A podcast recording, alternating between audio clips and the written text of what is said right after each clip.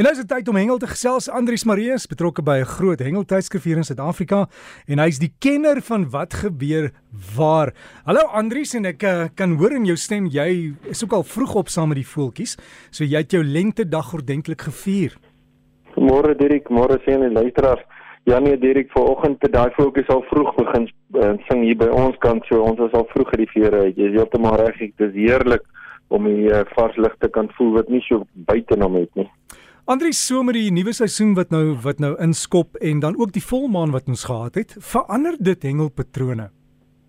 Ja, beslis Derek, die oorgangstyd wat ons nou beleef, is eintlik 'n moeilike tyd van die jaar want as daar fronte deurbeweeg soos wat verlede week nog deurbeweeg, hy laastes, dan uh, sê ons hengelaars altyd dit stampie vis uh, want hulle kom so vir 'n paar dae heeltemal uh, onverhoeds betrap kan ek maar sê en dan gaan hulle so 'n bietjie van die byt afgaan um, en daarna sal hulle begin normaliseer en in hulle broeisiklusse in beweeg vir al die varswatervis en ook van die seevis sal nou met die draai van die maan ook in hulle siklus in beweeg. So as die volgende uh, volmaan kom vir die uh, kouer dele van ons land, dan sal die vis aan die broei wees vir die warmer dele soos daarbo by Loskopdam in die ou uh, Limpopo Noord-Transvaal area waar die volmaan nou reeds verby is, sou daar van daai vis al reeds gebroei het, Erik. En die hengelnuus?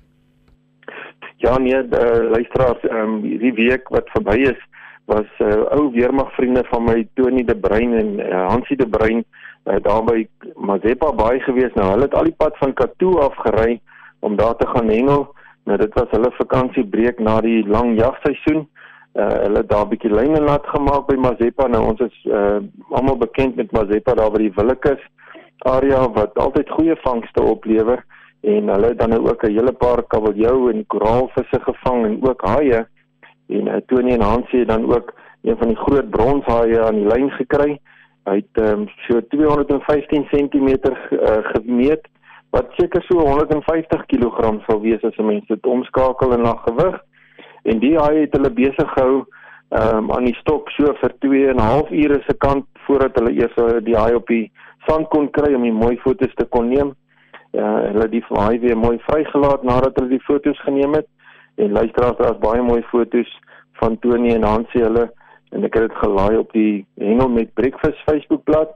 Luisteraars kan gerus gaan kyk daar na die mooi vangste en hy pragtige kleur van die bronshaai soos vir die son op hom skyn.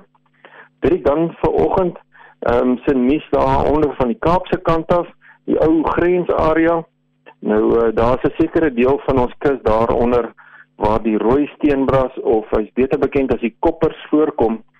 Nou die manne wat met die bote hengel sal nou weet waarvan ek praat. En hierdie koppers het 'n geslote seisoen in die jaar uh, wat jaarliks aangekondig is omdat hierdie spesies onder druk is uh, vir hulle voortbestaan. So vanaf 1 Oktober tot 30 November is dit die geslote seisoen vir hierdie rooi sodat hulle kan veilig broei. Nou die hengelaars in die ou grensarea het 'n beroep gedoen op die uh, manne wat uitgaan op die see om vanaf gister, met ander woorde vanaf 1 September al reeds daardie beskerming te doen van die rooi steenbras en hulle nie te vang oor hierdie tyd nie, net om seker te maak dat die vis kan goed voorberei want daai groot broeivis het tyd nodig om reg te maak om te broei en dan tot einde van November maand dan sal hulle weer reg wees en klaar gebroei wees en dan kan die man hulle maar weer vang.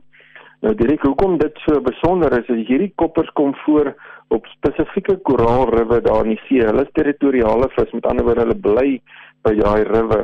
Ehm um, en as 'n mens hulle dan nou konstant teiken oor die broeiseisoen, dan kan hulle nie broei nie uh, omdat hulle dan nou versteur word. So kom ek vra die luisteraars en die hengelaars, kom ons bewaar ook hierdie spesiale spesie vir ons nageslag om hulle ook in die toekoms nog te kan vang deur hierdie geslote seisoentydperk te respekteer. Luisteraars dan die landbouskool Hendrik Potgieter bied binnekort in November maand die 13de vlieghengel uitdag kompetisie. Nou hierdie kompetisie is baie spesiaal want dit word aangebied daar onder die damwal van Gariepdam in die in die rivier. En uh, vir die 2 dae is daar 3 hengelsessies um, en die manne gaan dan met die vliegstokke mekaar daar aanvat. Dan gaan hierdie jaar 36 hengelaars wees wat ook van ons Protea hengelaars insluit. En hierdie vliegkompetisie bestaan nou al vir baie lank en verlede jaar was daar 30 hengelaars wat deelgeneem het en hulle het 843 visse gevang so met die vliegstokke. So baie sterkte aan Kirsty Swart en die organisasie komitee met die kompetisie wat hulle dan aanbied. Hoopelik volgende jaar gaan hulle 'n bietjie uitbrei dat daar nog meer mense kan deelneem aan daardie spesiale vlieghengel toernooi van die skool ter uh, insameling van fondse. Wij dan dan verlede naweek ehm um, het daar nog hierdie laaste koue front deur beweeg soos wat ek gesê het. So dit het so 'n bietjie van die mans, mense se vangste beïnvloed. Ehm um, omdat die uh, vis nog so vir oulaas geskrik het so wat die ehm um, druk verskil oor die land beweeg het. Nou daar was egter 'n paar mooi vangste gewees en dit uh, sluit dan nou ook die ideale omstandighede in om vliegengel te kan doen op die Vaalrivier. So hierdie laaste week nadat die front deurgekom het, uh, was die uh, temperatuur baie mooi geweest en die winde het so bietjie gaan lê en my vriend Mark Hilend vertel my dat hulle uit was op die Vaalrivier en hulle kon pragtige kleinbek geelvis gevang het. Nou hierdie tyd van die jaar beweeg die vis nou in na die vlakker water toe. So hulle kom nog in die stiller poele voor en dan wy hulle op die insekte wat besig is om uit te broei. Nou dit sluit dan in soos die mayflies en die caddisflies wat in die Vaalrivier voorkom. En dit is dan ideaal om hulle van die bootjie af te vang met vliegstokke en droëvlee wat so op die water wy en uh, maak hulle kon 'n hele paar van daai mooi groot kleinbekke gevang het met die vliegstokke baie besondere tyd van die jaar om hulle nou te gaan vang veral as jy 'n lekker windstil middag het. Dit dan plastiek kunsaas is besig om baie populêr te raak vir seehengel ook uh, en veral vir die roofvis spesies soos kabeljoue. En Brad het onlangs 'n baie groot kabeljou gevang van 144 cm. Dis so 28 kg as 'n mens dit sou omskakel na gewig toe. En hy het hom gevang met van daai plastiek uh, kunsvisies en daar's 'n mooi foto geneem van Brad saam met die kabeljou en ek het dit gelaai op die Hengel met Breakfast Facebookblad. Luisteraars kan gerus gaan kyk na daardie mooi kabeljou. Dan Derek en luisteraars, volgende week vertel ek van die SA skole se kampioen van kampioene toernooi vir 2023 en uh, daar's baie nuus daar rondom wat ek volgende week gaan deel met die luisteraars. Daar's hy Derek, dis die hengelnuus van my kant af. Dankie en groetnis aan almal. Totsiens.